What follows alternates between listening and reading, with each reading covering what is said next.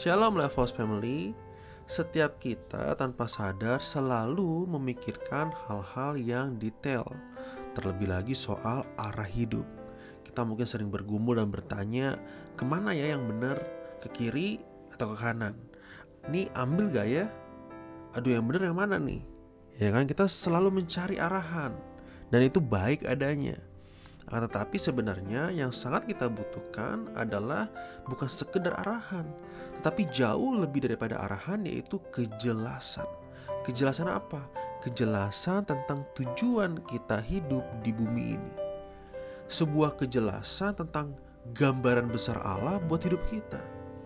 Apa sih yang sebenarnya Allah ingin kerjakan dalam hidup kita? Sebab Allah tidak menciptakan kita karena dia sedang bosan. Ya kan? Dia tidak ah setelah menciptakan bumi, ah bosan ah ciptain manusia deh. Kan tidak seperti itu. Allah selalu menciptakan dengan sebuah tujuan. Dan itu itulah kita diciptakan. Ada tujuannya, ada gambaran besarnya. Pertanyaannya, apa tujuan itu? Tujuan itu adalah keserupaan dengan Kristus yang sama dengan keselamatan.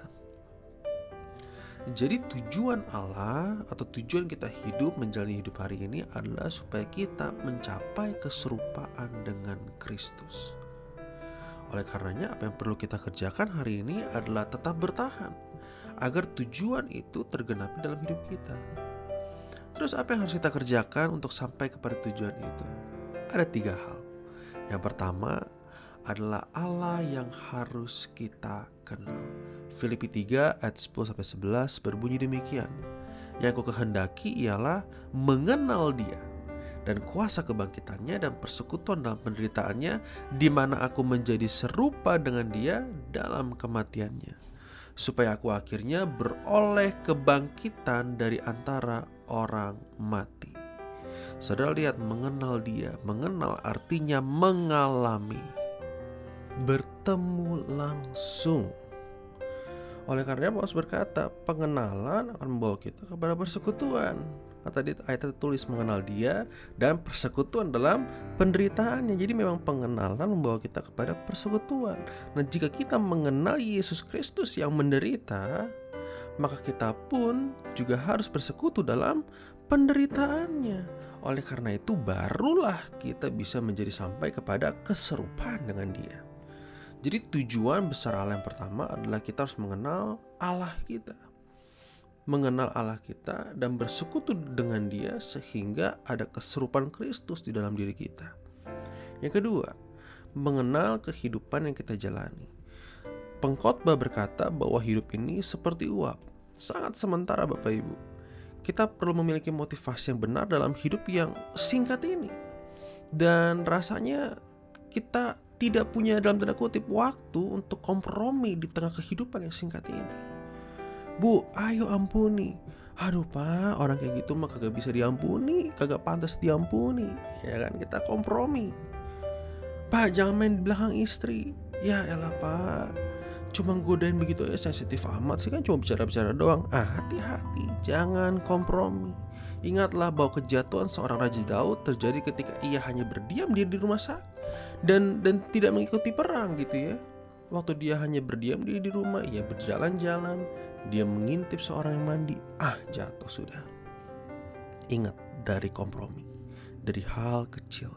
Oleh karenanya, kita perlu mengenali tempat-tempat mana yang di mana kita bisa jatuh di dalamnya atau karakter kita seperti apa yang masih rentan untuk melukai sesama. Kita perlu kenali karakter kita, kenali kehidupan ini supaya kita tidak jatuh ke dalam lubang yang sama, supaya tujuan besar Allah tetap bisa terjadi dalam hidup kita dan kita pun punya mata yang jelas melihat dan dan hati yang jelas dan kaki iman yang jelas untuk melangkah kepada tujuan besar Allah. Yang ketiga, mengenalkan Kristus kepada orang lain. Yang pertama, kita sudah belajar bagaimana kita mengenal Allah, ada karakter Kristus di dalamnya. Yang kedua, kita mengenal kehidupan kita sendiri.